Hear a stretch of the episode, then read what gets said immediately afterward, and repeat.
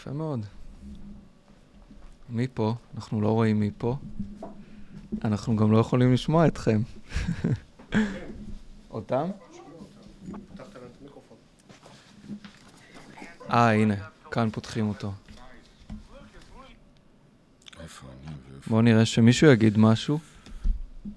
שלום לפודקאסט נסחפים. כן, שומעים אותם. שלום. אני יכול להקליט אותם. יפה מאוד. בסדר גמור. אוקיי.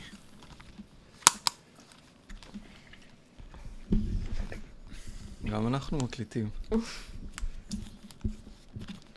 זה קצת נמוך. אוקיי. טוב. שלום לכולם. שלום.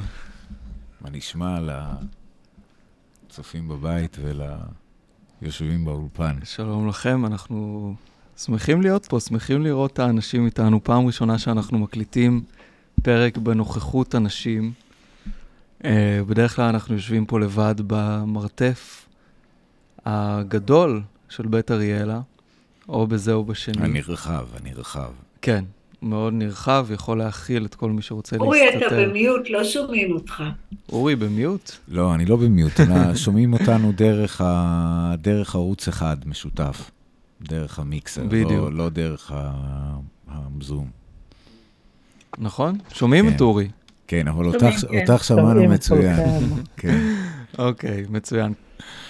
אז uh, אני יושב פה עם uh, עמית הרשקוביץ, שהיא, הרבה זמן לא הצגתי אותך ככה, קומיקאית, כותבת, מוכשרת, אני הייתי בהופעות שלה ומאוד נהניתי.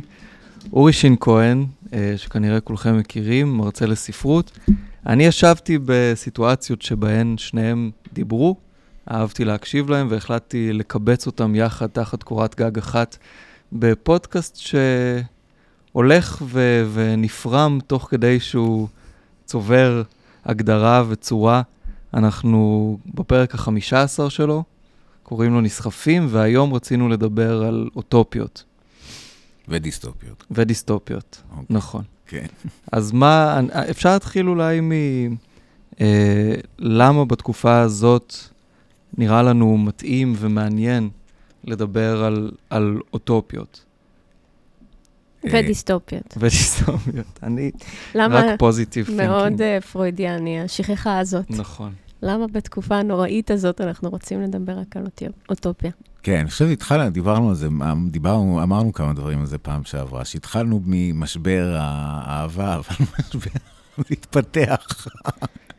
נכון. אה, משבר האהבה דפנטלי התפתח, ואחד הפיתוחים שלו, אבל זה באמת לא חדש, זה המשבר, נקרא לזה משבר הדמיון, אה, היעדר הדמיון, היעדר האופק, הדבר הזה שקו המחשבה על העתיד כל הזמן נחסם בתנאים של עצמו, נקרא לזה ככה.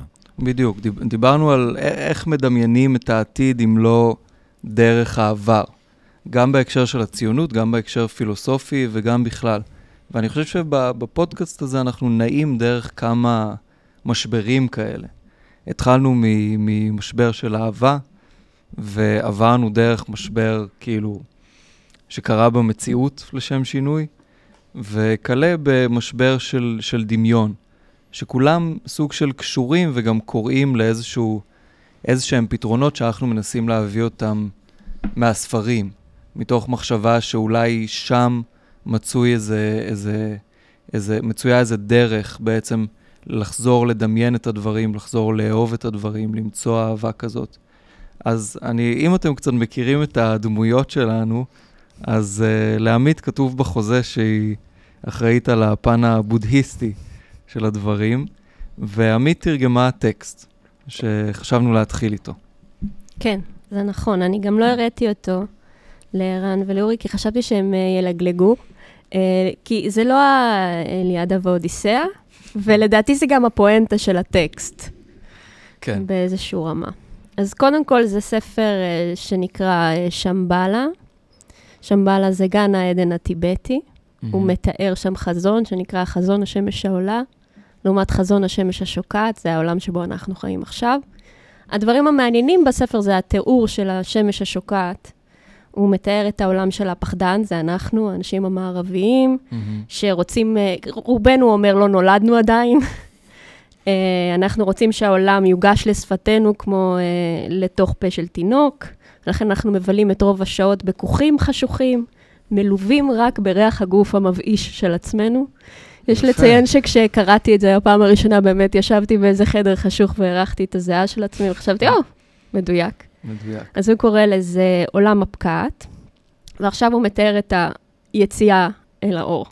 רגע, מי, מי זה? מי הכותב? שוגיאם טרונגפה, הוא כמובן, אה, אה, טיבטי, לא, הוא כבר לא פקעת. הוא כבר לא פקעת, לא, לא, לא, אוקיי. אבל הוא כן מת מאלכוהוליזם, שזה מעניין לספר. אוקיי. אנחנו, הוא היה בן אדם מאוד מעניין. הוא גם היה כזה המורה של אה, ג'וני מיטשל.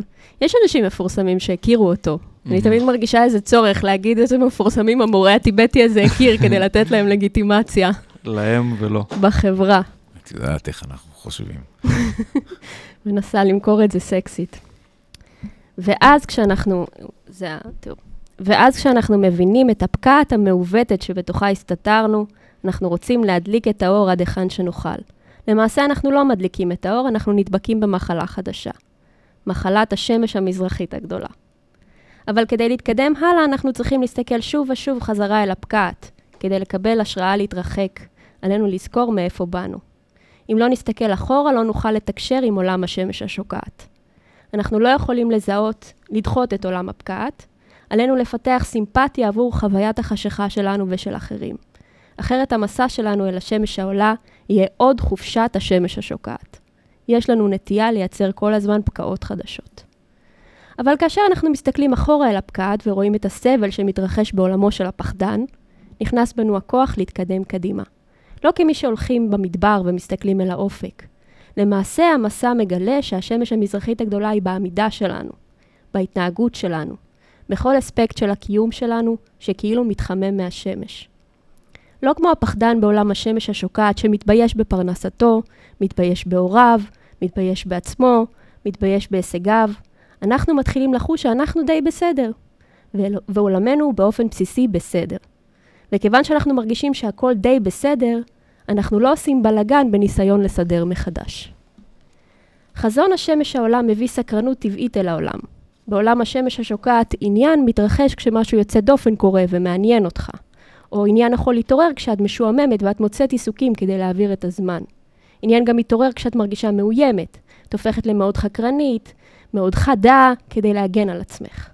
עבור הלוחם, עניין מתרחש באופן ספונטני. הוא חש שהעולם כבר מלא בו, העולם הוויזואלי, הרגשי, העולם שבו הוא נמצא. הסקרנות וחקרנות יוצאות לפועל כתענוג אמיתי, ואין את אמירות האישור העצמיות האלה, נוסח אני כל כך נהנה עכשיו.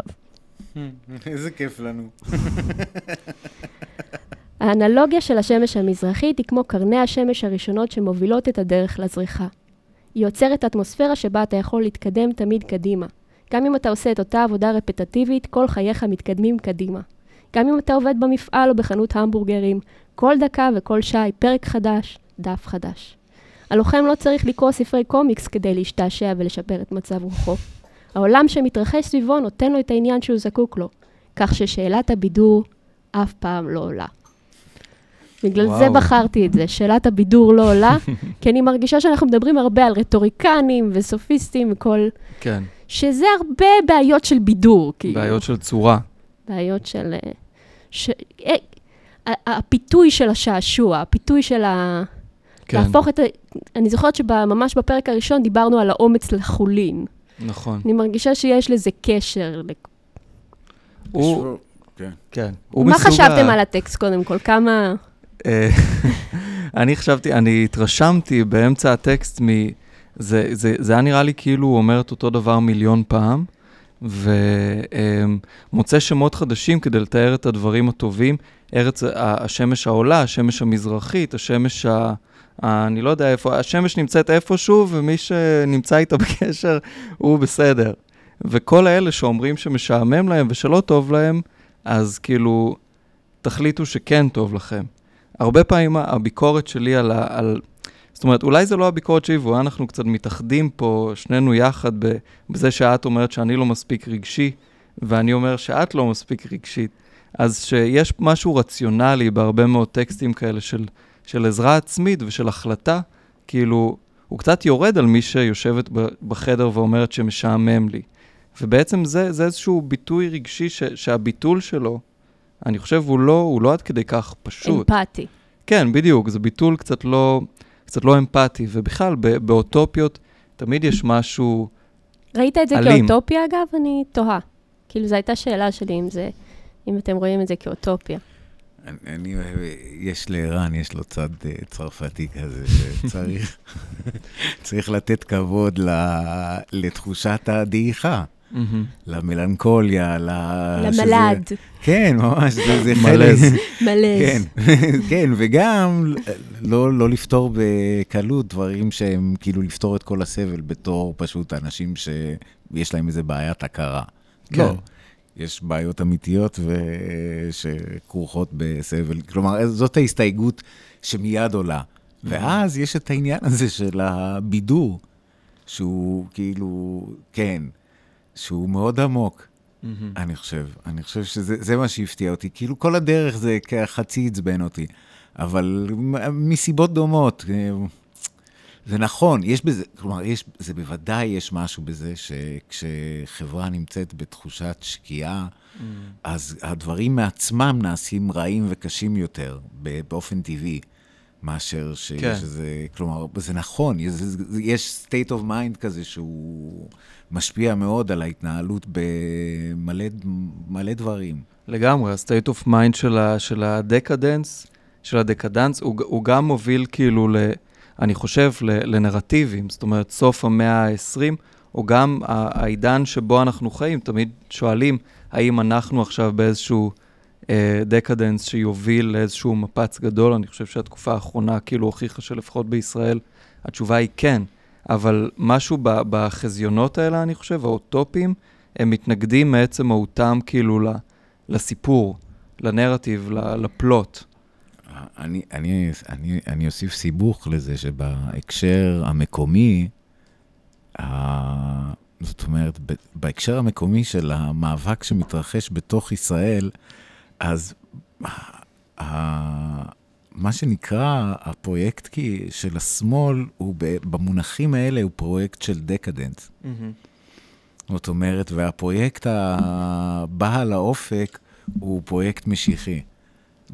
במונחים האלה ממש, ברגע שעושים להם תרגום לעברית, זה מה שקורה. וכן, וזה משהו, ואנחנו לכודים בתוך בעיית התרגום הזאת. לגמרי. בעיית, בעיית הדקדנס, כאילו של או איזה פתרון פלאים, שכמו שציטטנו ב, לפני שני פרקים, הפרגמנט הזה של בנימין, שהוא אומר שהפוליטיקה הדתית, משיחית, היא בעצם מחכה לאיזשהו חיזיון של אחרית הימים, כזה של אלימות, שבתוכו היא תתממש.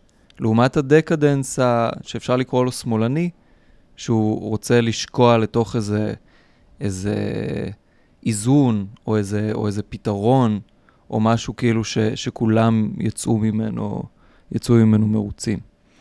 יש uh, בספר עוד תיאור מאוד מעניין שהוא מדבר על uh, פנטזיה של uh, ליברלים לגבי עולם טוב יותר. מהמם. הוא אומר, הם מדמיינים עולם שבו יש uh, חינוך תקין, ולכולם יש מספיק אוכל, וכו- ויש לנו מנהיגים טובים. מהמם. הוא אומר, הכל, הכל טוב ויפה, אבל אז מה עם המוות? מהמם. כלומר, תמיד גם בחזיונות היפים האלה, כשאני חושבת על אה, ליברלים, הם איכשהו מצליחים לשכוח שבסוף גם מתים. כן, וכל זמן שאנחנו לא לוקחים את זה בחשבון, בעצם לא פתרנו את הבעיה. הבעיה תמיד תתעורר מחדש. כן. ואני חושבת איזה בעיה. שהבעיה שגם אם אתה חי חיים מאוד טובים, אתה עדיין מת. גם אם אתה חי בחברה מאוד מאוד מוצלחת, יש את ההשפלה האחרונה. הוא אומר שזה עלבון עבורנו, ואני חושבת שזה נכון. כלומר, אני חושבת שבאופן... ס- כשאנחנו מתים זה עלבון? כן, שאנחנו חווים את זה כעלבון.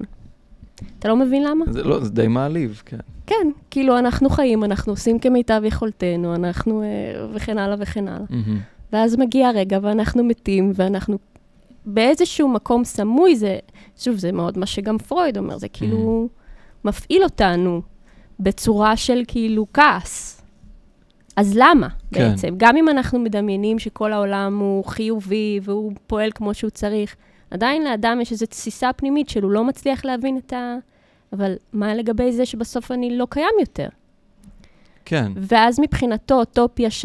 או מחשבה על העתיד שלא לוקחת את החיים והמוות כפעולה אחת, מהמם. כדבר שצריך להתייחס אליו ביחד, לא רואה את התמונה השלמה. אתם מבינים למה אני מתכוונת? כן, לגמרי. כי אורי נראה קצת... אה, למ- למה? מה הפרצוף? זה משחק שאני משחקת לא, פה אני- כל הזמן. הרבה פעמים זה קורה לנו. מה הפרצוף? לא, זה כן, חוכמת הפרצוף. זה, כן. זה אה, סעיף, אה, תת-סעיף משהו ומשהו במערכות יחסים. הספקנות, זה כאילו חלק ממה שאת אומרת, נשמע לי... כן. לא, בכלל לא. אני, הבעת פניי הייתה, הייתה על זה שהאוטופיות, ש... קודם כל אוטופיות זה ז'אנר די... hmm, כאילו, הוא גם לא מאוד מוצלח אומנותית, והוא גם, אין המון כאלה. ובטח שאין אה, אין המון אה, טובים, אני יודע. יש, אני חושב שעל הקניבלים זה האוטו- האוטופיה הכי, הכי סבבה שאני מכיר, של שבוא לא. נטעה שאוכלים בה אנשים, כן? כן. זה ה... אלה, אלה תנאי ה... היסוד של הדבר הזה. אז אני, אני חושב על זה שהאוטופיות לא כוללות, אה, זאת אומרת, כוללות, או- אני תוהה על אם- האם הן כוללות פטור ממוות או לא. ונניח ה- האודיסאה, אז הפטור מהמוות הוא, הוא, הוא, נניח, הוא ב, בסיפור, ב, זה פטור, פטור זמני, הכל זה מאחרון והעריץ פה ההלם, כמו שאומר אה, אלתרמן. מהמם. כן, גם הכדור הזה ייבלע על ידי השמש וכן הלאה וכן הלאה. אין, כן. אה, כן. אז אתה אומר ש- שאוטופיה זה ז'אנר גם חלש בגלל שהוא הוא, קצת כמו מה שאת אומרת, זה די מתחבר, שהוא בהכרח לא אפשרי כי מתים בסוף. גם, וגם כי הפעולה האנושית הזאת, ה- ה- ה- היא כרוך... כל מה שאנחנו עושים, טע- יש לו טעם שמינית של טעם של מוות. נכון. והחלקיק הזה של הטעם הוא זה שנותן את הטעם. זה כאילו, זה הספייס, מה... כמו המשפט הזה של בודלר, עם הטיפה של ריח רע, זה הבושם, אחי. נכון, נכון, איך זה נכון. הולך? אני לא זוכר. אבל ההכרה. ההכרה הזאת שכן, שאפילו, ה... זאת אומרת, זה לטוב ולרע, זה גם, אה, גם, כן, כמה אפשר לקחת ברצינות את כל הדבר מצד אחד. כן, זה מתקשר ל... ל... אמרת בודלר, אני אשיב לך עם גתה, שאמר אה, שאירוניה היא גרגיר המלח שהופך את הארוחה לטעימה. אה, ואני חושב שבאירוניה, בייחוד אירוניה רומנטית, יש את תודעת המוות. זאת אומרת, למה יש תודעת המוות? כי יש איזה, איזה מרחק וחוסר הזדהות, כאילו, מכל רעיון. והרומנטיקנים זה באמת כאילו תנועת נגד לנאורות שניסתה לכתוב כל הזמן אוטופיות. והרומנטיקנים בעצם אמרו שיש איזה, איזה גרגיר מלח של אירוניה הכרחית ב, ב, בקריצה שאתה נותן בכל, בכל אוטופיה, למשל בוולטר או בדידרו או רוסו. זאת אומרת שמשהו חסר שם והמשהו הזה הוא בדיוק מה שחשוב. וזה נובע בין היתר לה- להתנגדות אולי הכי חמורה לאוטופיות, שזה ההתנגדות לזה שהן מובילות ל- ל- ל- למקרי האלימות הכי קשים. זאת אומרת, אורקהיימר ואדורנו, uh, uh, Enlightenment and its discontents, כן. כן, uh, שמדברים על זה שבעצם בדיוק האידיאולוגיה של המאה ה-18 בנאורות, בגלל המוחלטות שלה, בגלל ההסכמה שלה לכפות באלימות את עצמה כדי להגיע בסופו של דבר, אסקטולוגית, לעולם טוב יותר, היא בעצם יוצרת תהליך שהוא כל כולו, כל כולו סבל. אגב, ניהול הסכסוך ופתרון הסכסוך. שני סוגים שונים של כאילו עתיד. עתיד קרוב ועתיד אסקטולוגי. עתיד דיאלקטי ועתיד מוחלט. אה, אני סך הכל רציתי להגיד שכן, סליחה, רק אני רק שאלתי אותך מה שלומך. כמו שאומרים, אף אחד, ערן. הדיאלקטיקה של הנאורות. כן, אה, לשם הגעתי. אה, כן. כן, ערן, מה אני אגיד לך? אה, אני זה רק- הכל טיפול פסיכולוגי שאני עובד. לא, אני רק רציתי להגיד שזה, שבאמת, אה, אני חושב שה... רוב האוטופיות, רוב המחשבות האוטופיות מתעסקות עם רכוש בסוף. כלומר, זה, זה, זה אחד הדברים... וגם רוב הליברליזם מתעסק עם רכוש, לא? כן. זה כאילו, יש לנו קניין פרטי, ולכן יש לנו קיום. יש, אבל נכון. מה שאני חושב בעקבות מה שאת קראת, זה שיש גם איזה קשר מאוד עמוק וכזה אינהרנטי בין אה, רכוש פרטי ובידור. זאת אומרת שאלה שני, הם קשורים, כאילו, זה... אתם אגב, ראיתם את הסרטון ששלחתי לכם, של אדי פפיטון? איזה בן זונה אני. ראיתם?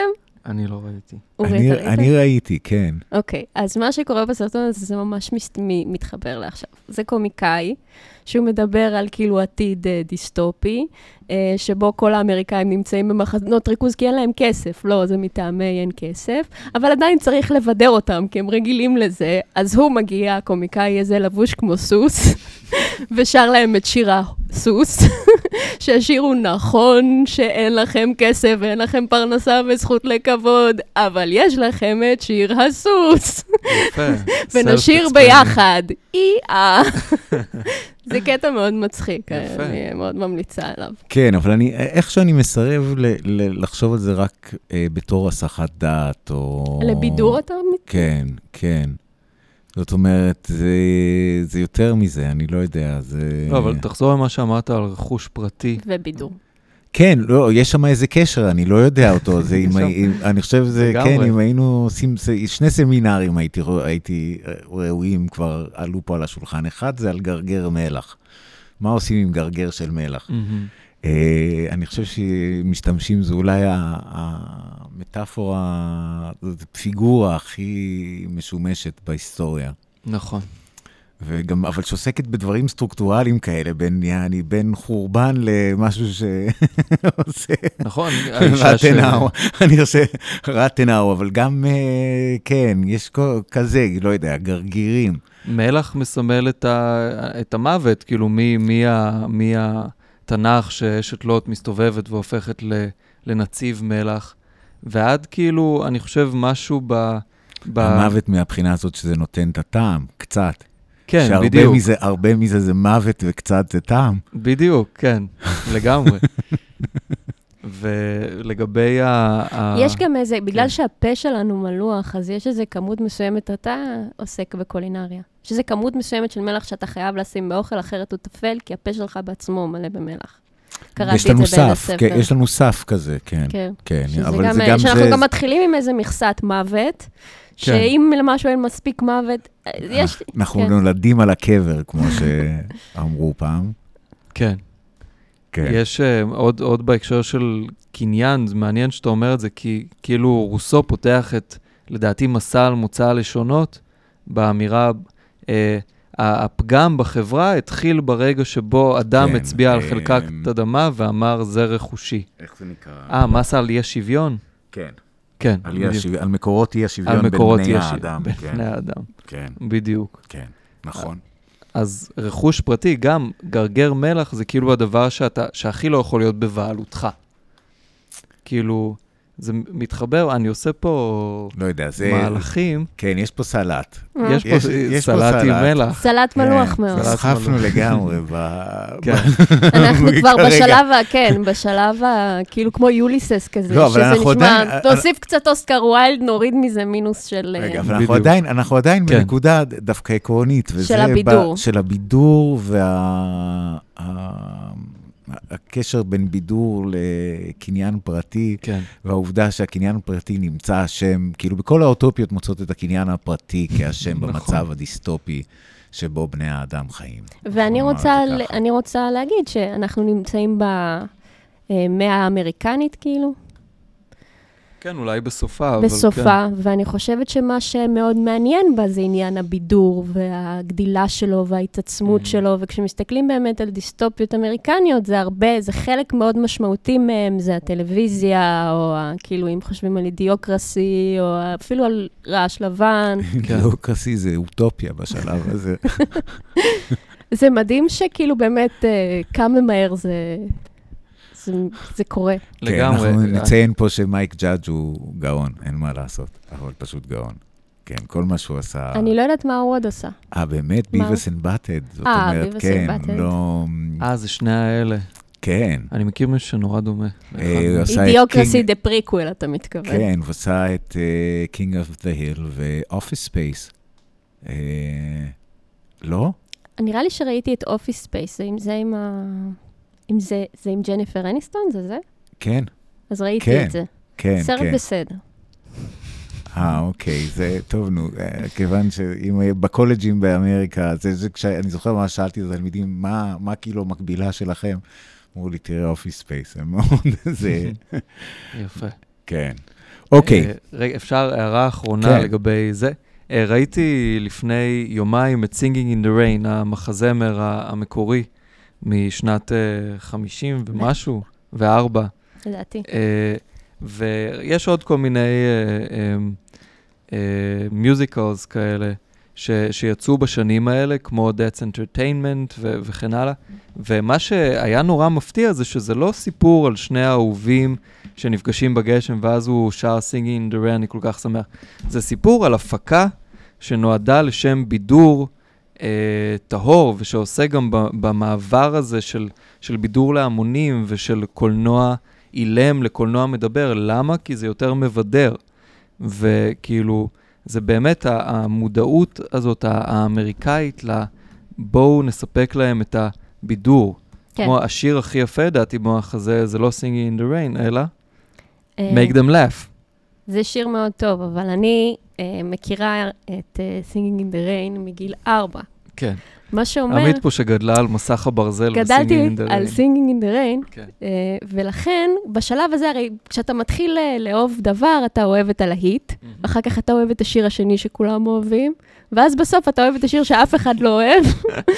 אז יש את, ה, אה, את השיר שהוא... אה, זאת הייתה הפיגורה לכלל המעשה שאנחנו עושים, אני מבין, זה כאילו בכללי. מה זאת אומרת? כלומר, בדיוק מה שהתהליך הזה שאמרת, שבהתחלה אתה להיט, אחר כך אתה ליד הלהיט, ובסוף אתה בדברים שאף אחד לא... זה הפודקאסט שלנו. אם הגעתם לפה, אתם בסוף התהליך. Uh, הוא לוקח אותה למין, uh, uh, זה, זה, יש את uh, ג'ין קלי ודבי ריינולדס, דון לוקווד, ואני לא זוכרת כבר איך קוראים לה עכשיו, מהמם. לא לינה למונט, כי זה...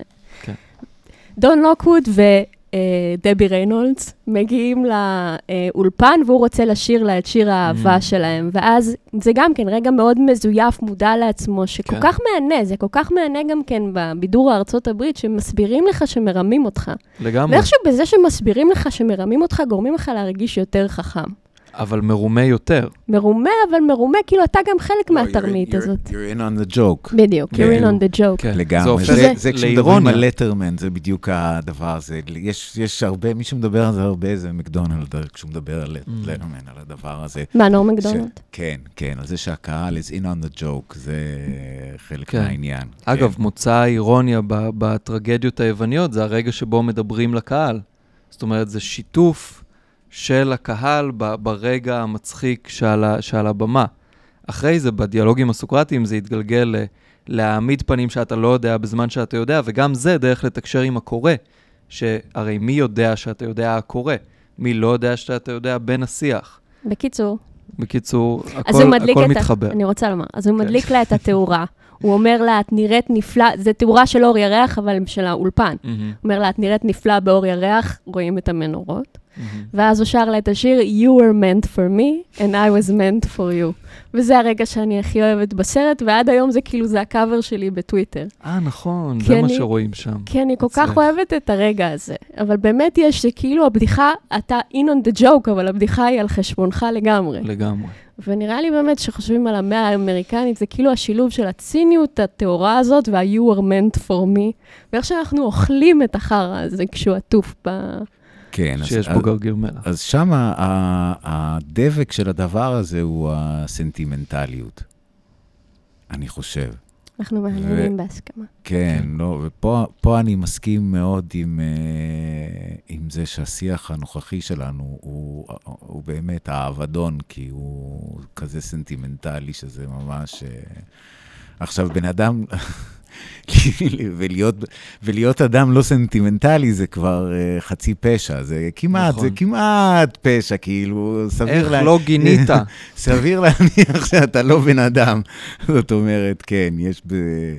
כן, וזה זה ממש מחלה, זה במיוחד בהנהלת, בהנהלת ענייני הציבור, זאת כן. מחלה, הסנטימנטליות. כן, נכון. כן. גם השילוב של חדשות עם... אה, לגמרי. כן, אז אני חושב שלעניין הזה של הקשר בין, בין, ה, בין הבידור לרכוש הפרטי, לאפוקליפסה שאנחנו חיים בה עכשיו. כן, זה, זה עובר איכשהו דרך הצינורות של הכוח, זאת אומרת, איך, איך הכוח פועל ואיך הוא פועל עלינו, כי אין תשובה, אין תשובה אחת, לא יכולה להיות תשובה אחת ל, לדבר הזה, זה, זה מין כזה מסעף של הרבה דברים שמתחברים, כן, אבל ללא ספק ה- ההיפר, היפר מונטיזציה מהמם, של התוכן מהמם. האנושי, היא מובילה, היא כנראה מובילה אותנו לאבדון. כנראה לא שזה, משהו. אוטוטו זה לא יהיה תוכן אנושי, זה כבר לדעתי חצי לא, כאילו, אני לא יודע, מהמעט שאני רואה, אני רואה שיש מלא דברים של מכונות. מהמם. קליפים, עניינים, מלא, מלא, שכאילו אפשר לראות שיד האדם לא נגעה בסיפור הזה. כן, אז אני לא, אני, כן, אין, זה לא תשובה, אבל זה... כשאין רכוש ציבורי, אז הציבורי, סוג הציבוריות שגלום בתוך הבידור נעשה תחליף לפוליטי, משהו כזה. אתה יכול לחזור עליו? כן, ולהסביר אני, יותר. כאילו, מבחינה נשמע קוגניטיבית. ממש מעניין, אבל אני לא הבנתי. הקוגניציה שלי אני לא... מרגישה שאני רוצה לדעת. מה אתה אומר, כן. פשוט אני לא... שהרכוש הפרטי הוא כרוך ל... המעמד שלו כרוך לנדירות של הרכוש הציבורי. משחק סכום אפס, סוג של בין, בין הפרטי לציבורי. כן, כלומר, כן. כן. ככל שהרכוש הציבורי נעשה חשוב יותר ויותר, ככל שהרכוש הציבורי הולך ומתמעט, או משהו, כן. משהו בסגנון הזה. אה, זאת אומרת, בוא נגיד, אף אחד לא צריך בתי ספר פרטיים אם החינוך הציבורי עובד. נכון. אוקיי? זה מין אה, מעגל שזה ההיגיון שלו. אה, זה אולי מוביל אותנו ל... אולי נדבר, נעשה כזה אוטופיה, דיסטופיה, אוטופיה, דיסטופיה, אז אורי יושב פה עם ארבעה ספרים על השולחן. אה, היית רוצה לקרוא... בכל מ- אחד מהם גיהנום קטן. ובכל אחד מהם. אולי רק נראה לכם. תראו, אפשר להראות? אפשר? בטח. הסימונים בתוך הספרים. אה, הספרים האלה מלאים סימונים, ואורי ידוע ביכולת לשלוף בתנועה אחת איזה ציטוט שרוצים. רגע, אבל אני, אני רק רוצה לסיים כן. כן. להבהיר את כן. הנקודה הזאת, שככל שיש פחות, כלומר, כשאין רכוש ציבורי, אז זאת אומרת, המימד של הציבוריות כולו מתנוון, מתמעט, בעצם אין, אין דבר, ואז הבידור הופך להיות לשיתופיות. כיוון שזו שיתופיות מזויפת, מעניין מאוד. זה חייב להיות סנטימנט, שמאלץ סנטימנטלי, כי זה השומן היחיד שיכול להדביק אנחנו באמת כל כך כולם. רחוקים כבר. שזה, ב, שזה בסוף מעניין. הדבר החשוב, המונטיזציה, שבסוף יהיו עיניים, אה, אחוריים במושבים ועיניים על המסכים, זה כן. ה, בעצם, בעצם. ולכן נגיד אה, מצב כזה של מגפה, זה שכולנו בשמוטים מול, ה, מול המסך, הוא כמעט אידיאלי. לגמרי. אדווד אדון עם חוזר על סיפורה כל המרגש. אוקיי, זהו, זה רק היה, סליחה, זה היה... אז מה היינו, איפה היינו? בגיהנום? אה, נראה לי. שכן, אפשר ללכת לשם. היינו בגיהנום. כן, אז, אז מה- היינו ב- בזה שאוטופיות הן משעממות. ולא, האוטופיה, מה שאלתי, ואני לא יודע אפילו אם לקרוא לזה אוטופיה, אוטופיה, זה לא אבל... אוטופ, זה, זה מתכתב, זה, זה מודע לזה שהמציאות היא לא אוטופית, והוא מציע משהו מאוד אינדיבידואלי. גם במובן הזה זה אמריקאי, אבל כן, היינו שם. כן, אבל היה בר- ברגע, בעברית יש רגע של, כאילו, של הציונות שהוא רגע אוטופי. כלומר, Mhm. גם נכתבות, הן לא, הרוב, הרוב לא טוב. זה גם לא... כשאנחנו גדלנו היה רגע, לא אתה, אני. גם בשנות ה-90 היה איזה רגע אוטופי, כאילו... איזה? אה, אחרי אה, שהחומה נפלה, וכשאני גדלתי בתהליך אוסלו, שושה הגיעה לארץ, שרנו ביחד לשלום. אני זוכרת את הרגע הזה, ואני זוכרת אה, שהייתי ילדה, אני לא יודעת מה הייתי חושבת על זה בתור בן אדם מבוגר, אבל בתור ילדה הסבירו לי שאנחנו בדרך לטוב. והיה את הספר הזה, קץ ההיסטוריה, ושטויות נכון, של כאלה. היפני, של ההוא שממש טעה. פוקויאמה. כן. פוקויאמה. אה, היה רגע אוטופי. כן, היה סיינפלד. קץ, לקרוא לקץ ההיסטוריה רגע אוטופי זה קשה. אפילו איך, ש... איך שיובל נוח הררי מתאר את זה, שאין יותר מגפות ואין יותר מלחמות, והיה מהמם. איזה מין חזון כזה של... אה, אה, נכון. שמה? היה, הייתה אווירה כזאת של, של אין מלחמות ואין מגפות, כמו, כמו שעמית אומרת. של שינוי אמיתי, כן, שכאילו אנחנו... בזכות הטכנולוגיה וההתקדמות של There will be no war between two countries that have have McDonald's. עכשיו כולם שומעים את... אני לא יודעת, אתה הס- בן אדם העשירי ששמעתי שמצטט באמת? את זה. מה, היה איזה... או, היה- בסדר, זה זה די... היה איזה לא. סרטון? היה איזה טיק טוק? יכול להיות שראיתי את זה בטיקטוק. נראה לי שזה כבר לא עובד, הסיפור עם מקדונלד. לא, זה ממש. אה, מופרך. אבל. הנטייה הכמעט אפסית של דמוקרטיות ל- להילחם אלה באלה נשארת. זאת אומרת, כן, בכל מקום שבו שלטון אחראי כלפי התושבים, נוטים לא לאהוב מלחמות ולא לעשות אותן, בגדול. כאילו, אמ- אמריקה היא, היא יוצאת מהמם. דופן, אבל גם אמריקה לא נמצאת במלחמה עם אף דמוקרטיה. כן. אה, אמריקה דו- דואגת לתושבים של מה? של אמריקה. מאיזה מובן? זה מסובך. אין לזה תשובה פשוטה. התשובה הגדולה היא כן. כן? כן. כן. טוב, אולי אני רואה את הטיקטוקים הלא נכונים, אבל אה, לי זה נראה שאמריקה לא דואגת לתושבים שלה. תשמעי, זה זה 300 שאין להם, אה, ומשהו מיליון איש, יש הכל. שאין להם ביטוח בריאות. ו- יש, יש מלא דברים, זה לא מקום פשוט, זה, זה לא מקום קל, זה לא מקום קל לחלשים, אבל בגדול, כן. כן. כן, גם המסכן. כאילו, כן, גם המסכנים זה סוג של, זה... יש, הר... יש דברים, יש דברים אחרים.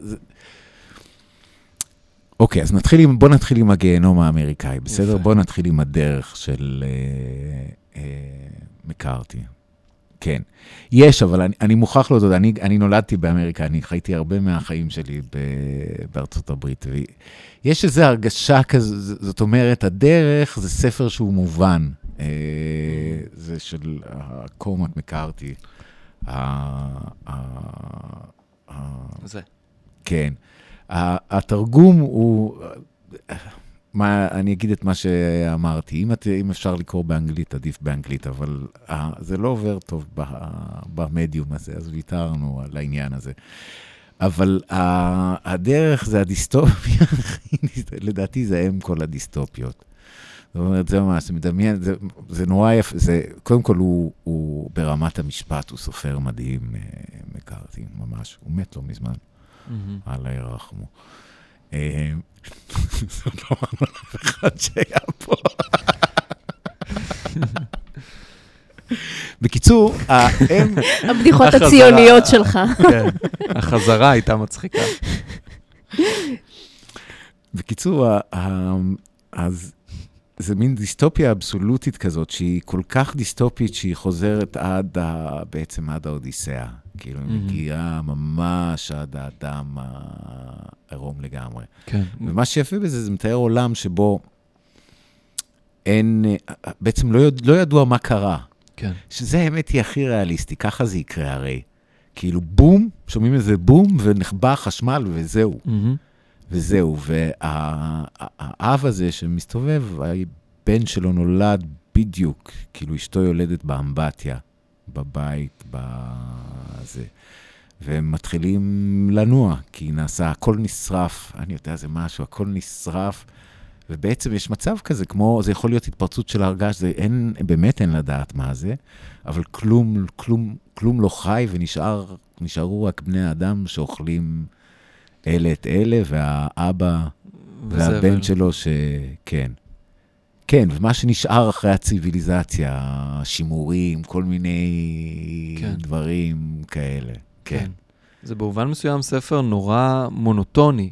זאת אומרת, אם מדברים על עלילה כאיזה דבר מסתעף, ואתם יודעים, עם המון דמויות וכן הלאה, פה יש אב ובן שפשוט הולכים ישר, יש פה כמעט איזו הפשטה של הנרטיב.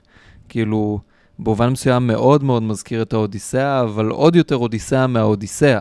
ההליכה כשלעצמה, החוויה החושית של ההתקדמות בלי לדעת לאן. הרי הוא עובר את הבית שהוא גדל בו בעמוד 30 בערך. הנה, בני, כאן גדלתי, הילד אומר, אני פוחד, ואז הם ממשיכים מעבר לזה, לעבר החום. כן. כן. יש, אה, כן, הם לא יודעים איפה החום, הם מנסים ללכת דרומה, אין חום. כן. אבל זה דבר כזה, זה מה שהיה. כלומר, כשהיית... אה, הר הגעש הזה, מה זה, אינדונזיה, אני חושבת, מה זה, לפני 50 אלף שנה? לא דיברנו על זה פעם שעברה, זה משהו, לא, לא דיברנו, דיברנו על זה. דיברנו על הר הגעש באינדונזיה? לא אולי, שמעריכים... בח... אולי בחלומות שלך. מעריכים שכל האנושות הצטמצמה לכמה אלפי זוגות, אה, משהו כזה, כן. אוקיי, לא... לא דיברנו על זה. זה טיקטוק גם שלא ראיתי. זה טיקטוק שלא. אז בקיצור, זה משהו כזה, שיש איזה עשר שנים בלי, בלי צמיחה, בלי mm-hmm. זה, מי נשאר? כלומר, אנחנו, האנושות היא תמיד התוצר של האיום ביותר ושל mm-hmm. האיומים ביותר. אני חושב שזה התחלת הקושי. פרספקטיבה מסוימת, יש לציין. לא לקחת מפה השראה. זה לא פרספקטיבה שלי. כן. אנחנו, שוב, באזור הזה של השולחן, אנחנו ב-survival of the nurtured. גם אני? לא, פה. אה, רק אצלך. כן. כן, לא ידעתי. כן, אז uh, אנחנו הולכים לקרוא ציטוט. אז מה, לקרוא מזה? אוקיי. כן. את ההתחלה אתה מקריא? כן. אוקיי. כשהיה די אור להשתמש במשקפת, הוא סקר את העמק מתחת. הכל מחוויר ומטשטש באחוריות. האפר הרך מנושב בערבולים רפים מעל לבטון האספלט השחור. הוא בחן את מה שהיה אפשר לראות. קטעי כביש שם למטה בין העצים המתים. מחפש משהו עם צבע, תנועה כלשהי. עקבת העשן עומד. הוא הנמיך את משקפת השדה ומשך את מסכת הכותנה מפניו ומחה את אפו בגב פרק ידו ושב וסקר את השטח. אחר פשוט ישב שם ואחז במשקפת וצפה באור היום האפור כאפר נקרש על פני הארץ. הוא ידע רק שהילד הוא הצו שלו. הוא אמר, אם הוא אינו דבר אלוהים, אלוהים מעולם לא דיבר. אם הוא לא דבר אלוהים, כן. אז אלוהים מעולם לא דיבר. כן. כן. שזה, אה, הוא עושה פה אלוזיה ל, לישו. בוודאי. כן. כן, הילד הוא, זה, זה נורא מעניין, האבא, זה ממש, זה, זה, זה כאילו האבא, האבא הוא אודיסאוס והילד הוא ישו. כן. כן. זה ממש... במובן הזה זה הספר הכי מופשט שהוא לוקח כאילו את שני המיתוסים האלה. לגמרי. ומכניס אותם ביחד לתוך הדבר הכי כאילו, הכי ריק. קראתי אחרי זה ביקורות באתר סימניה על הספר הזה.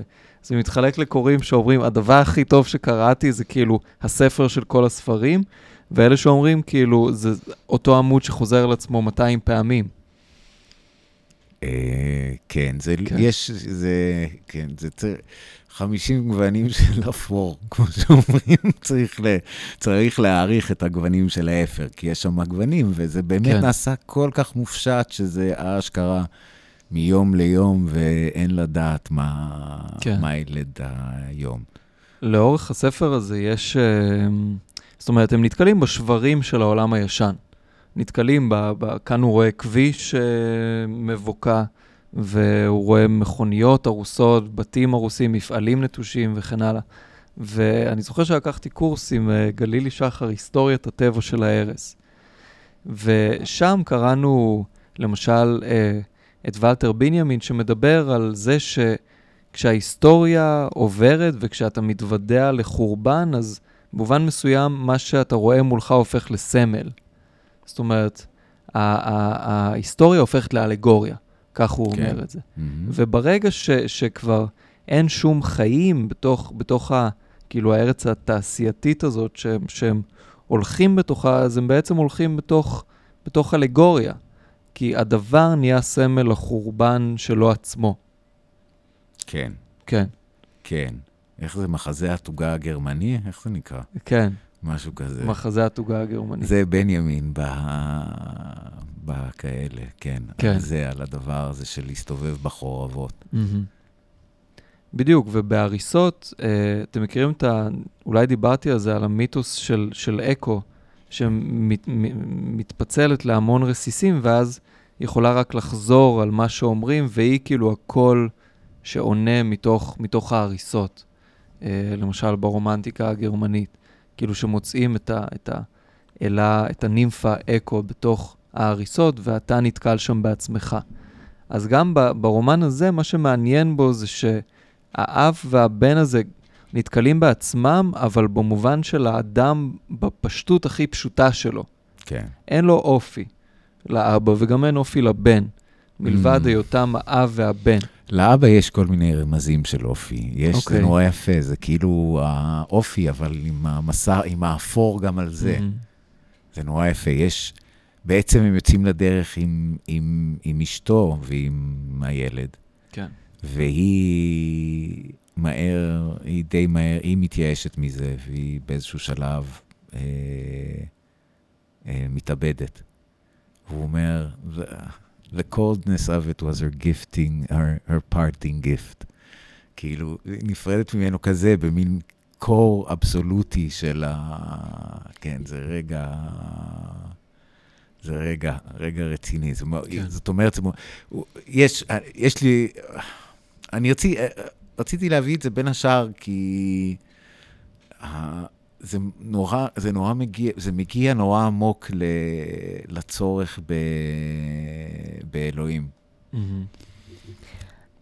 אני חושבת שבהקשר למה שאני הקראתי בהתחלה, המשפט היפה הזה על ה-coldness of it was her parting gift.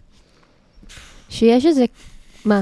לא, לא, זה מאוד... הספר מלא ברגעים כאלה שהם עוצרי נשימה. שיש משהו באמת בחוויה של ה-setting sun, שהוא מאוד קר. הוא מאוד מאוד, החוויה של הקור הפנימי הזה, כשאתה רואה נניח את כל הרגעים הסנסציוניים בטלוויזיה שמדביקים אותך, אבל אתה עדיין מרגיש מאוד קר איכשהו. מהמם. כאילו השאלה הזאת, אני חושבת שהיא נהייתה שאלה מאוד פרקטית עבורי. מהמם. כן. כי החוויה הזאת של הקור היא חוויה מאוד מאוד אה, אה, פיזית וקשה. כן. של... אה, אה, אתה חי בתוך עולם ש, שהוא לא, הוא לא מזין. אגב, קור וחום, לא סתם קוראים לאוטופיה שאת קראת ולאוטופיה שאני הבאתי. השמש. שמש. כל האוטופיות uh, בעצם uh, עוסקות בחום כן. ובשמש. בחום ובשמש ובקרבה כן. וב... כאילו... ההפך מה-mother wound, מה שנקרא בטיקטוק של פסיכולוגיה. mother wound, mother wound, שזה הפצע אם, כן. כמו ה-mother ship. שאין לך, שיש לך איזה פצע במקום שאמורה להיות לך אימא, כאילו. שאין, איזה באסה. שאין אה, אין הורים ממש, אין מבוגרים ממש. אגב, זה גם מתקשר לי ל... כשדיברנו על אמר... אמריקה Mhm. ובידור, ואז אה, יש את אה, ניל פוטסמן, נראה לי קוראים לו, של ה... אינט, אינטרטיין, אה, בידור עד מוות, יש לו ספר ש... מהמם. יש לו את בידור עד מוות ואת קץ הילדות. מהמם. שבעצם זה מדבר על אה, איזשהו חיבור כזה שאין אין יותר אה, מבוגרים, כן. כולנו רק ילדים שכל מהמם. הזמן אה, מואכלים בכפייה בכל מיני נרטיבים משעשעים, כן. ויש לנו איזה רצון מאוד גדול באיזשהו הורה כן. שאף פעם לא מגיע, מהמם. נכון. והכל, והקולד, the coldness of it, כאילו. כן.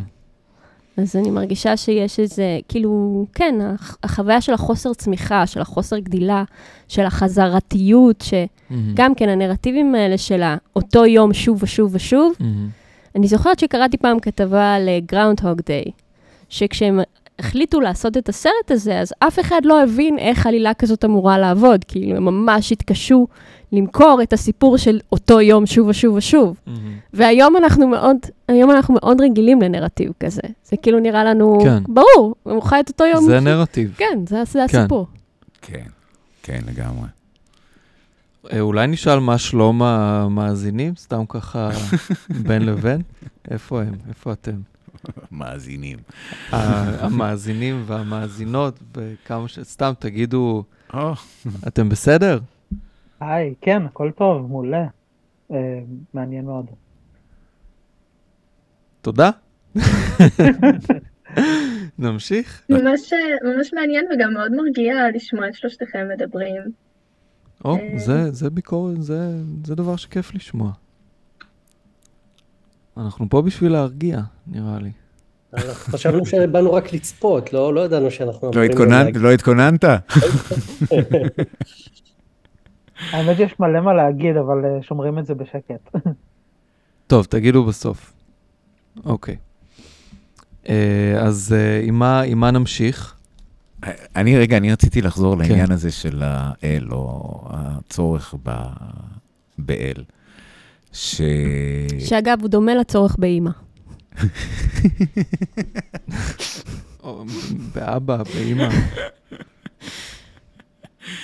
הוא דומה, כן. כן. כן, הוא דומה, אני, אני מבין, אני, כן, קשה לו, קשה לו להסכים. Uh, אבל יש משהו בעולם הזה שבני, כלומר, הקניבליזם הזה, הוא- מונטיין ממקם שם את האוטופיה, כלומר, איזה דרך לחשוף את הכשלים שלנו מול, ה, ה, מול ההתנהלות של הקניבלים, אבל בעצם זה הם כל הסיוטים. זה בעצם, זה הובס על ספידים, כאילו, אוקיי, זהו, אין יותר, כל, האוכל היחיד שיש זה בעצם, או הכי זמין, הוא בני אדם.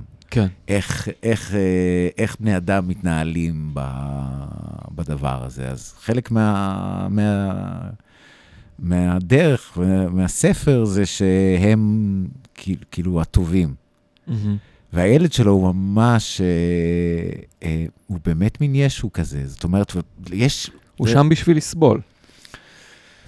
הוא, הוא, הוא, הוא, הוא, קודם כל הוא סובל, החיים כן. הם סבל שאין כן. לתאר אותו, בדיוק. אבל הוא גדל... דרך בס- הייסורים, כן, אביה אבל- דולורוזה. אבל הוא, אבל הוא גדל ב, בהתנגדות מוחלטת לעולם, mm. במובן הזה, לאלימות של העולם שהוא מוצא, כן. וגם בזרות מוחלטת לעולם שהוא לא הכיר.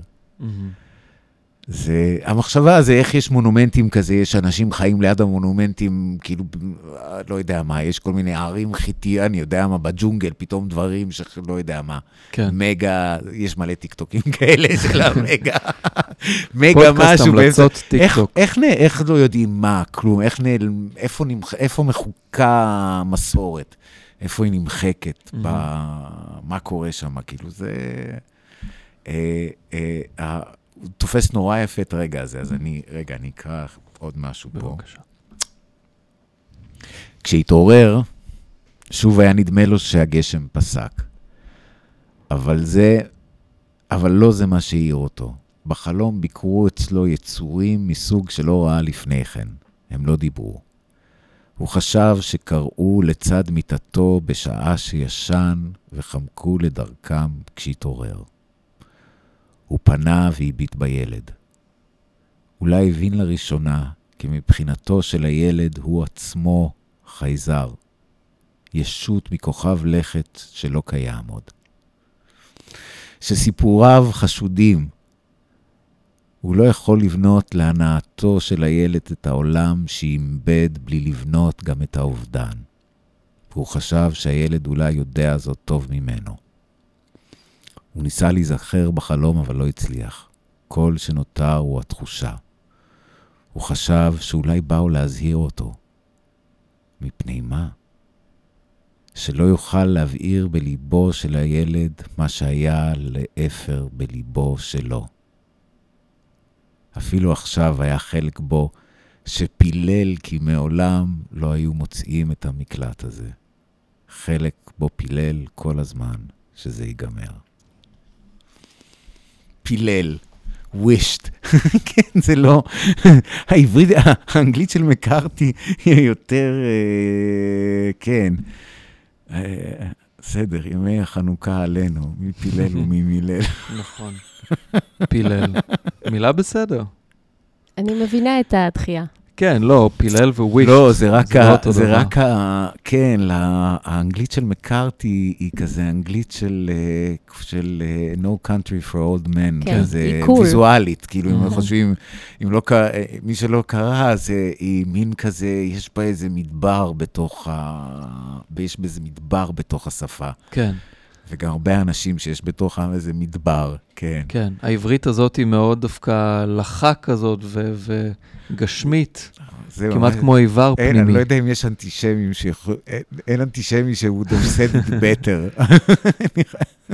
נכון. היהודים האלה שמים לחות על הכל. נכון. אה, מה ש... קצת שמלץ. קצת שמלץ בדיסטופיה. זה גרם לי לחשוב, מה שהקראת על, על שלושה סוג, כאילו שלושה סוגים של, של אוטופיות, או אפשר לקחת את זה גם לדיסטופיות. יש את האוטופיה של לפני הכל, של כולם ילדים, יש את האוטופיה של אחרי הכל, של אפלטון, שכולם זקנים וכבר לא אה, הולכים אחרי התשוקות, כי הם know better, ויש את האוטופיה של בתוך הכל, שהיא, שהיא אוטופיה מעניינת של כאילו המימוש המוחלט, הבקחנליה, בקיצור. זאת אומרת, האוטופיה, אפשר לקרוא לה דיוניסית, של, של להיות בתוך הכל. ואני לא יודע מה איתכם, אבל אני, כל מה שאנחנו מדברים, אני פשוט מונע מעצמי לעשות את זה. אני, אני קושר את זה ליום הזה של השביעי לאוקטובר, וכאילו, לראות שם איזושהי, אני לא הראשון שאומר את זה, אבל התנגשות בין אוטופיות לדיסטופיות. ולמשל, בהקשר של ה... כאילו, אתם יודעים שה... אה, אולי אני עושה פה מעבר חד, אזהרת טריגר לכל מי שרוצה ללכת אה, לעשות משהו אחר. אה, המחבלים לקחו קפטגון, אתם יודעים מה זה? זה מין סם כזה, זה כמו ממסי, קוק, כאילו, זה סם שנגיד סוריה, אני מהנהנת כי... כי את מכורה לא, לקפטגון. ממסי, לא, אני לא יודע, אבל אני אני מהנהנת כי... כי... עמית לקחה קפטגון לפני לא. השידור. כן, כי לקחתי הרבה פעמים קפטגון. למה את מהנהנת? אני מהנהנת כי ממש בהתחלה דיברו איתי על העניין הזה שהם עשו סמים. ו... כן. אני, כאילו המוח שלי מאוד uh, נדבק על הנקודה הזאת. כאילו כן. יש בזה איזה הסבר, או שזה נותן לי איזושהי מנוחה, הרעיון הזה. Mm, מעניין. אז תכף אני, אני אשאל אותך למה, אבל כאילו משתחררים כל יום סרטונים והקלטות של כאילו איך, איך זה נשמע. יותר מעניין מלראות את הזוועות, זה לשמוע נגיד את השיחה שלהם ברכב, בדרך למקום הזה. והשיחה שלהם ברכב, זה לדעתי השתחרר אתמול, לא הייתה, טוב, יאללה, אנחנו הולכים לשם, אתה תלך לשם, אתה תפרוץ הביתה. זה, זה היה פשוט צרחות שמחה אה, אה, בקחנליות, מוחלטות, וזה כאילו הזכיר לי את ה... אה, יש מחזה הבקחות, נכון? אה, של מי הוא? אוריפידס. כן, של אוריפידס.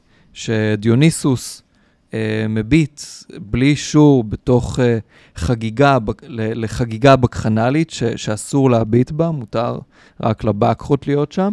ואז מה שהן עושות, שזה נהיה גם שיא החגיגה שלהן, זה לקרוע אותו לגזרים. זאת אומרת, בתוך הא- האוטופיה הבקחנלית, הדיוניסית הזאת, אה, אני חושב שיש איזה, איזה ייחוד בתוך האקסטזה של אוטופיה ודיסטופיה, וזה גם קצת מה שקרה בשביעי לאוקטובר.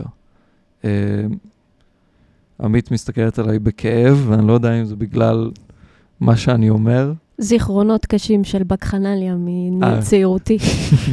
זה היה פשוט געגוע לבומבמלה. כן.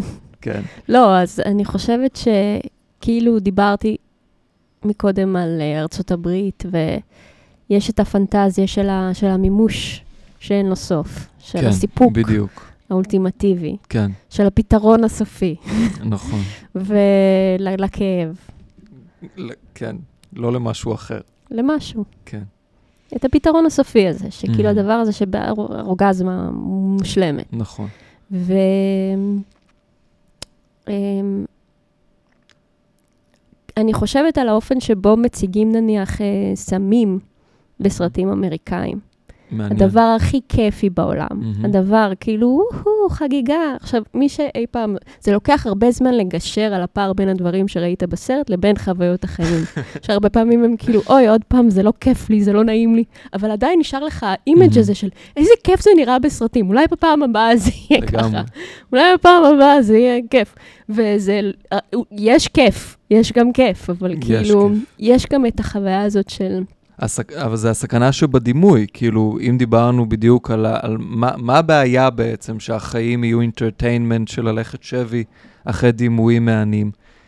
Uh, קודם כל שהם לא אמיתיים, כאילו הבעיה, אתם יודעים, האפלטונית, של מה הבעיה בדימוי שהוא לא מתאים למציאות, ושאם אתה נשבע בקסמו, אז אתה תיפול מתישהו. והסמים בסרטים אמריקאים זה בדיוק ממחיש את זה. כי זה לא נראה ככה במציאות. זה כאילו היה נורא מוזר כשאני חושבת שוב על Mm. הסרטים אה, שראיתי. היה כאילו את החצי הזה של וואו, איזה כיף זה סמים, ואז היה את החלק של יום הנעורים. ושום שום גוונים באמצע. כן. אפרופו 50 גוונים של אפור, נכון. אין, כאילו, יש כן, רק... אה, כן, את לא מצפה שיעשו סרטים על אה, אנשים שמנהלים את, ה, את העונג שלהם בצורה אחראית ומדודה. את יודעת, אני מתכוון, זה לא, אין שם, אין שם נושא, אין שם נושא לסרטים. כן. מדי פעם זה מבצבץ העניין הזה, אבל זה... אני חושבת שזה היה מאוד מעניין לראות איזשהו יחס אה, מורכב לעונג. כאילו. שהרבה פעמים כשאתה קורא, זה קורה לי כל הזמן עכשיו אה, עם ספרים, שמגיע הרגע הזה של הסקס. ולרוב הוא מתואר כאילו בצורה מאוד חלקה, כאילו, איכשהו, אף פעם אין בו מבוכה, אין בו בושה, אין בו, הוא הרבה פעמים עובר כאילו דרך הדבר. זה חוויה חוזרת, כאילו, שה... הפ- הפער הזה, החוסר יכולת אה, לראות את הסיפוק כאשליה, כאילו, את ה... כאילו, אנחנו מוכנים לקבל שהרבה דברים הם זיוף, אנחנו מוכנים לקבל שהרבה דברים הם שקר. הצלחה, כולם, אבל סקס, לא, מהמם. זה, זה, זה כן כיף תמיד. יפה.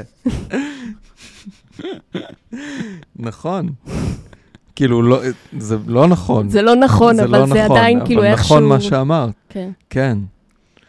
המבצר האחרון, כאילו שהכל ייפול, ועדיין... אבל סקס זה אבל כן סקס כיף זה תמיד. כן כיף, ולא לומר אחרת. אל תעזו להגיד שזה לא תמיד כאילו איזושהי חוויה שכן שווה את כל ה... בדיוק, כן, גם... בוא, בוא, רגע, כן, בוא נהיה כן, רציניים כן. שנייה, בוא, סליחה. תחזיר אותנו סליחה, רגע. אה, קודם אנחנו כל, מדברים כן, על זה ארכיטיפית, אנחנו לא מדברים על זה. לא- קודם כל, לא, עשינו צריך, אף פעם. צריך לקבל שכן.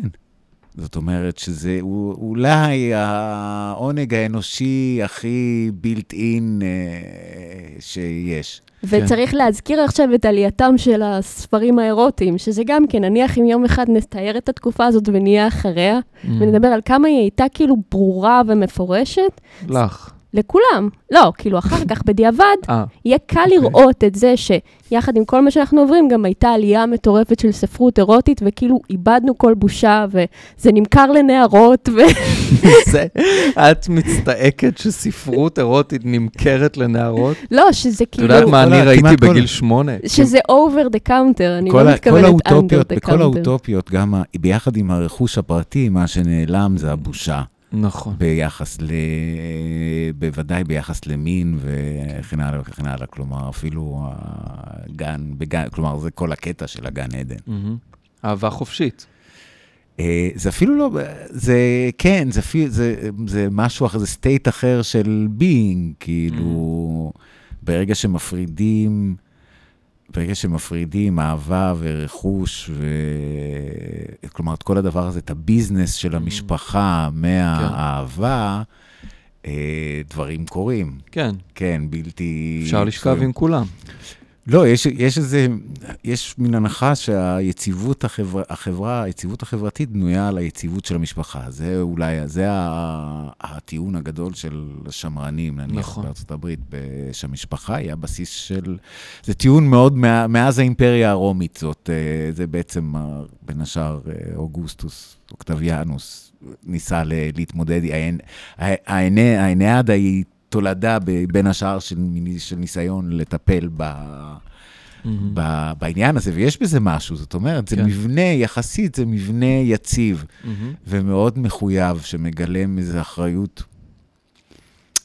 אה, אחריות אישית שמעידה כן. גם על האחריות הקולקטיבית. כן, אז זאת אומרת, ביבי ושרה. אז הרכוש הפרטי, הרכוש הפרטי הוא, ה... הוא הופך את המשפחה למוסד יציב ועמלני.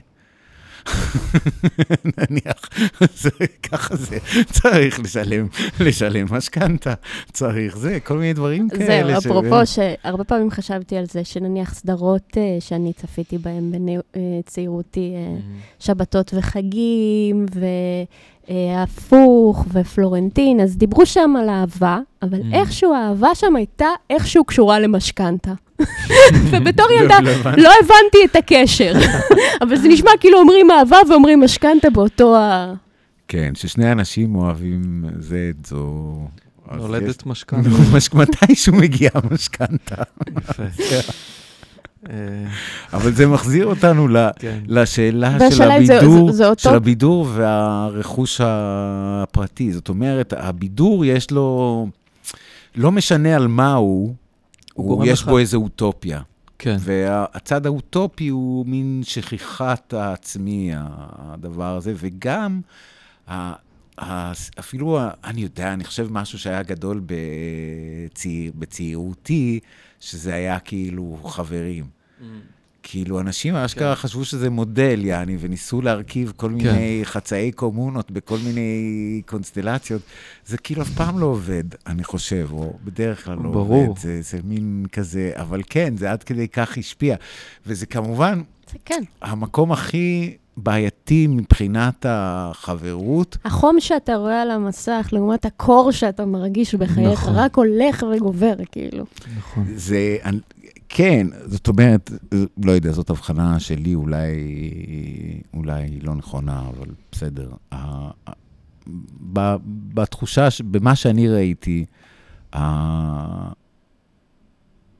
המ- יש מחלה קשה של בדידות ב- בארצות הברית, כן. יותר מפה, זה קטע. מהמם. זאת אומרת, זה משהו מאוד מובהק, פשוט רואים את זה ממש, זה ממש על האור, ה- ה- ההרגשה הזאת. ואני לא יודע, זאת מחלה מאוד מסוכנת, אם אני לא טועה, והיא קשורה בה, פחות או יותר במקום הזה שאנחנו מדברים. בגלל זה גם הדיסטופיה של... של. אה, זאת אומרת, בגלל זה הדיסטופיה של... שהאמר- הזאת היא, היא ככה. כלומר, היא כל כך לבד. ו... כן. כן. כן, זה במובן מסוים אלגוריה, הספר הזה. על... אם הוא היה רק, זה היה, זה, הוא הכל. הוא כן. עושה את הכל כל הזמן, אבל זה כן. מגיע, באיזשהו שלב זה מגיע לאיזה, כאילו, לעצם של ההוויה, מרוב ניסור, כן, מרוב הניסור זה מגיע מהמם. ממש עד, ה, עד העצם עצמו. אבל, טוב, זה... כל מה, ש, כל מה ש... כן, מה שיוצא זה שאלוהים הוא נדרש כדי שאנשים לא יאכלו אחד את השני, קודם כל. כן. כן, והוא פה מגיע מזה, כלומר, בדרך הזאת, בצורה הזאת הוא מגיע למין הכרה כזאת שכן, אה, אין ברירה. כן, אלוהים, או הטוב המשותף, או כאילו הדבר הזה שבן אדם, שגורם לאדם לצאת מעצמו, כאילו שיש משהו שהוא מעליך. כדי לאסור על, על ה... כנראה, או... כנראה, שזה אפשר, זה לא רעיון שאי אפשר אה, לחיות פה בלי אלוהים, אלוהים. ה- כלומר, רעיון של משהו שגדול ממך. אלוהימה, אמרת? כן, אה, יכול להיות ש... אלוהימה. כן, סביר, לה- תראה, זה, בוא, בוא נהיה רציניים, סביר להניח ש... כן, אבל יכול להיות שהדבר הראשוני ביותר הוא יצור גדול ממך, שיכול לאכול אותך, ושבעצם יאכל אותך בסוף, שאוסר עליך לאכול את זה שנראה כמוך. כן. כן, כמו קרוקודילים, שנכון, יש גם, יש גם טיקטוקים כאלה של קרוקודילים שאוכלים קרוקודילים אחרים. יש לא כאלה ראיתי. טיקטוקים? מלא. יש קרוקודילים? רוצו לראות. חשבתי שרק בני אדם אוכלים אחד את השני. קרוקודילים אוכלים קרוקודילים. מה זאת אומרת? רק בני אדם אוכלים זה? חשבתי שבני אדם אוכלים בני אדם מבוגרים, ורק אה, וחיות אחרות אוכלות נניח את הגורים שלהם, אבל שחיה בגירה לא אוכלת את אותו המין, כאילו. ש- אה, זה לא... כי נניח. בנשיונל ג'אוגרפיק שרואים את האריה בסוף. אז אף פעם לא הורגים אותו, תמיד מנדים אותו ונותנים לו למות לבד. מה, בנסיבות טבעיות, את חושבת? לא בנסיבות טבעיות, אלא שכאילו האריה לא הורג את האריה השני, אלא מנדים את האריה הזקן מהזה, ואז הוא לא אוכל ואז הוא מת. אוקיי. אז, אז אני הנחתי מזה, הקשתי הלאה. אולי לא נכון. או גם היה נדמה לי ששמעתי פעם את uh, מישהו, איזה זואולוג אומר, שרק בני אדם uh, בגירים אוכלים, uh, הורגים בני אדם, וכאילו, בשאר כן, המינים ל- לא... לחינם, לחינם, זה הקטע. אז כאילו רק בשביל להרוג אותם.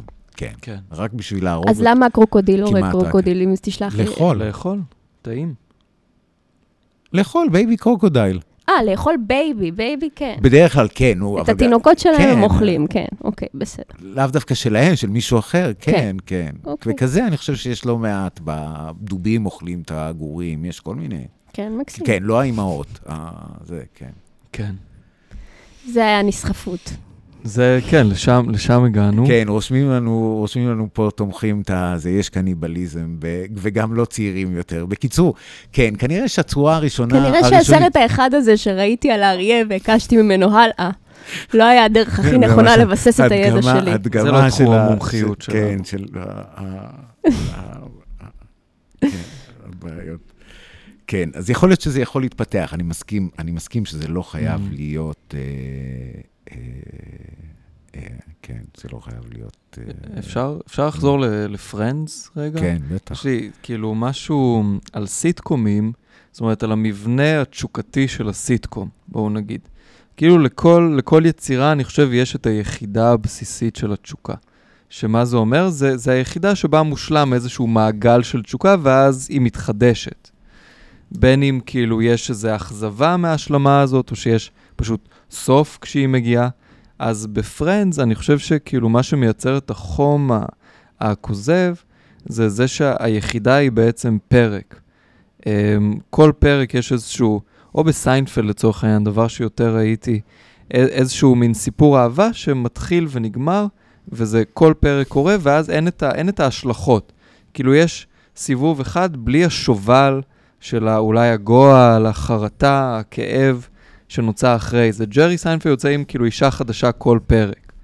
Uh, ובמובן הזה, כאילו, על, עלילה זה, זה מוגדר על פי המימדים של התשוקה. רגע, אבל אנחנו שנמצאת כבר, בה. אנחנו כבר אחרי Curb, אז זאת אומרת, יש שם איזה משהו מיוחד. אחרי מה? אנחנו אחרי Curb. Curb? כן, Curb your enthusiasm. כן. אה, כן. אוקיי, זאת אומרת, אנחנו יודעים שיש בלארי די, יש ללארי דיוויד קטע כזה, זאת אומרת, I'm easy to break up with. יש, כן. אל מו- כן, יש שם בדיוק, איזה זה משהו עמוק. כן, אצלו זה אותנטי, יש שם איזה משהו... I'm easy to break up with. כן. אה, או וואו. נגמר פרק, זה כאילו, זה בדיוק ה... בסדר גמור, נגמר הפרק, נפרדת ממני. כן, כן. כן. או... שזה גישה פחות רכושנית, I guess, לדברים. כן, יש, יש בזה משהו בודהיסטי אפילו, כאילו בפרקים האלה שמעבירים אותך כל כך הרבה מחזורי דהרמה, נכון? שכאילו גורמים לך במובן מסוים לצאת מה, מהגלגל הזה, במונחים של החמית. כן, אבל יש שם גם משהו קצת עתיק וומנייזרי בסדרות האלה. בטח, שהיה המעגל של התשוקה, היה, זה... היה סטנדרט כזה. בוודאי. לא, אני חושב שזה בטח. טיפה השתנה, או שלא. לא? אני לא יודעת. לא, אני חושב, How I met אה, את אימא שלך, זה גם היה... באמת, גם- את אימא שלך היה באמת גם מיזוגני מאוד, כן. אה, אנחנו רוצים אה, לקרוא עוד איזה משהו קטן? איזה, איזה אולי זה- ציטוט? זה- איזה סיום. לא, אני רוצה, אני רוצה, אני, כן, אני רוצה רגע... איזה סיום. משהו משי שריד, כן. ידידנו שאנחנו פוגשים פה לפעמים בקפיטריה של בית אריאלה. אה, אז תגיד משהו... יאללה, אז... אה, אז אה, הם כל הדיסטופיות העבריות, אני חושב, או כאילו הדיסטופיה שאחריה קצת זה נהיה ז'אנר כאילו רפטיטיבי, זה השלישי של ישי שריד. ושלחתי לכם אתמול, אבל נכון. אה, אה, קטע אחד, שהוא פשוט אה, מראה עד כמה, על, כאילו, על מציאת אה, ארון הקודש. זה, השלישי זה דיסטופיה שבעצם אה, בונים את בית המקדש השלישי, אבל אחרי שכבר התרחש איזה, נמחקו ערי החוף. וזה, כן. עם כל מה שזה מסמל. כן, אה, לגמרי. ו... Hmm. אוקיי, אז ככה. וזה נכתב, זה כאילו הב- הבן שלו, הבן שלו הוא, הוא בכלא, הוא בכלא כבר, בעצם כבר כבשו את הארץ, ה- ה- והוא נמצא בכלא, וזה נדע, זה אחד הסופים המהממים של, של, של הספרים, זה, זה הסוף של הספר הזה, אני אקרא רגע את הסוף, כדי שכולם, שלא יהיו, שנעשה את כל הספוילרים.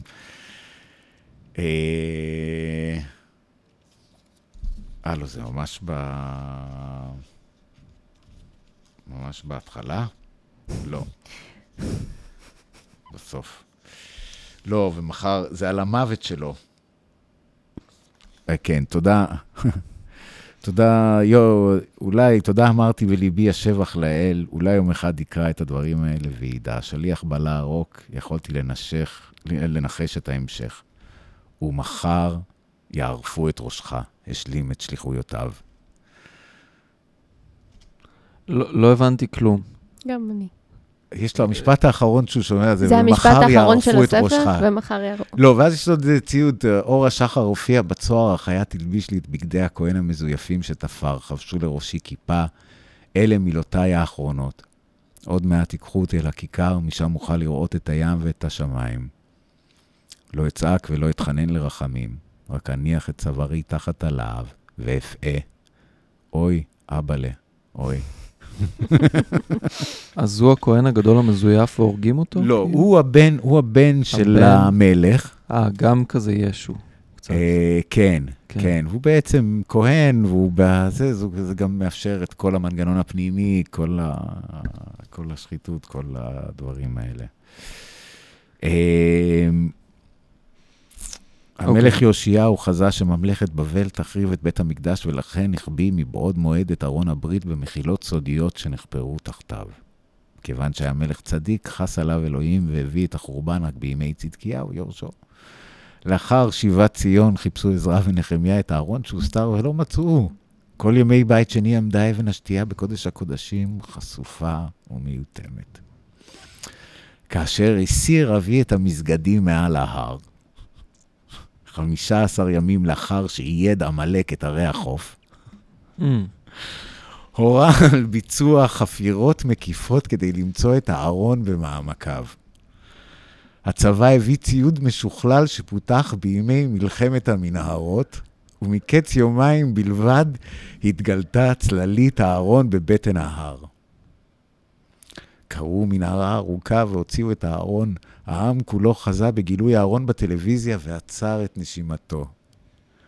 מיד כשבקע מבטן האדמה כמו תינוק מרחם אמו, כיסו אותו ביריית משי, ואבא השתחווה לפניו אפיים ארצה. כך מצא האבא את ארון הברית ואת הלוחות שבתוכו, וניתן תוקף אלוהי להקמת הבית השלישי. האבא לא התמהמה, רוח אלוהים שרתה עליו, וכבר למחרת הניח את האבן הפינה למקדש, שרתה עליו, סליחה. הניח את אבן הפינה למקדש. כן, בהחלט דיסטופיה או אוטופיה. אה, זה מוליד לחלוטין ציוניות. באופן בלתי, לא, בלתי נמנע אצלו, אצל, אצל שריד. כן. אה, אצל שריד זה, מה, אוטופיה? אוטו... זאת אומרת, יש פה איזו אוטופיה אירונית. הנה מה שאתם רוצים שיקרה. בהתרסה כזאת כלפי הציונות זה הדתית. שילוב, זה מה שאתם, הנה מה שיקרה עם מה שאתם רוצים שיקרה. כן, הנה מה שיקרה. זה כמו הדברים האלה, כמו האוטופיות האלה של הכרעת האויב. כן. האויב היחיד שיכריעו זה אותנו, כאילו, כן. אין, אה, אין לזה...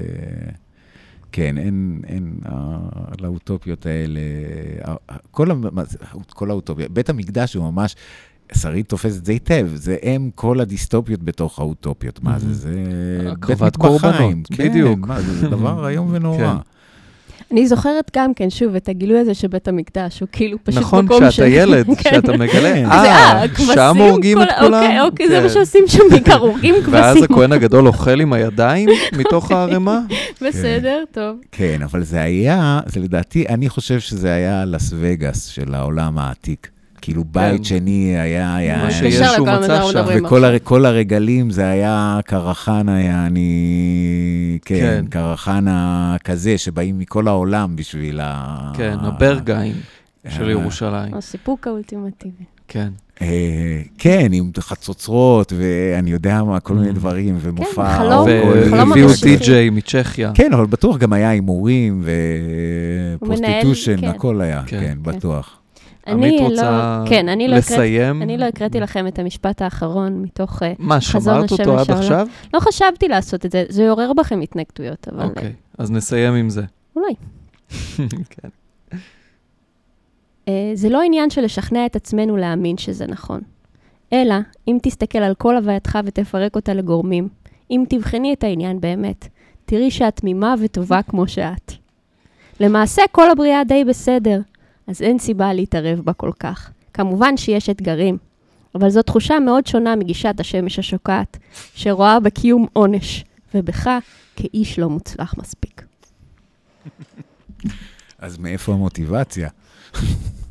תקרא את הספר. אז, אז הוא אומר, עזבו כל מה שאמרתי, אתם כן בסדר, לא, הוא כל הזמן כל הזמן אומר אומר שאתה... שאנחנו בסדר. שאנחנו בסדר. הוא אומר, אתה אז למה אתה כותב ספר? גרגיר של חול, כן. ואם אתה מקבל את זה, אתה חי בטוב. אני יותר מגרגיר שחול. זו הבעיה. זו הבעיה שלי. כרגע, לא, לרגע אנחנו יותר. לרגע אנחנו יותר מגרגיר אבק. גרגיר של מלח. גרגיר, לפעמים אנחנו יכולים להיות ממש גרגיר של מלח. נכון.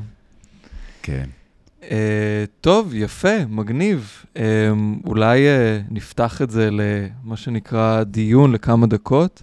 אה, אם בא לכם אה, או לכן לומר משהו, לשאול משהו, לשתף משהו, אה, ככה... רגע, עמית, לא, אני יכולה לשאול. את יכולה להישאר? ב- בכיף.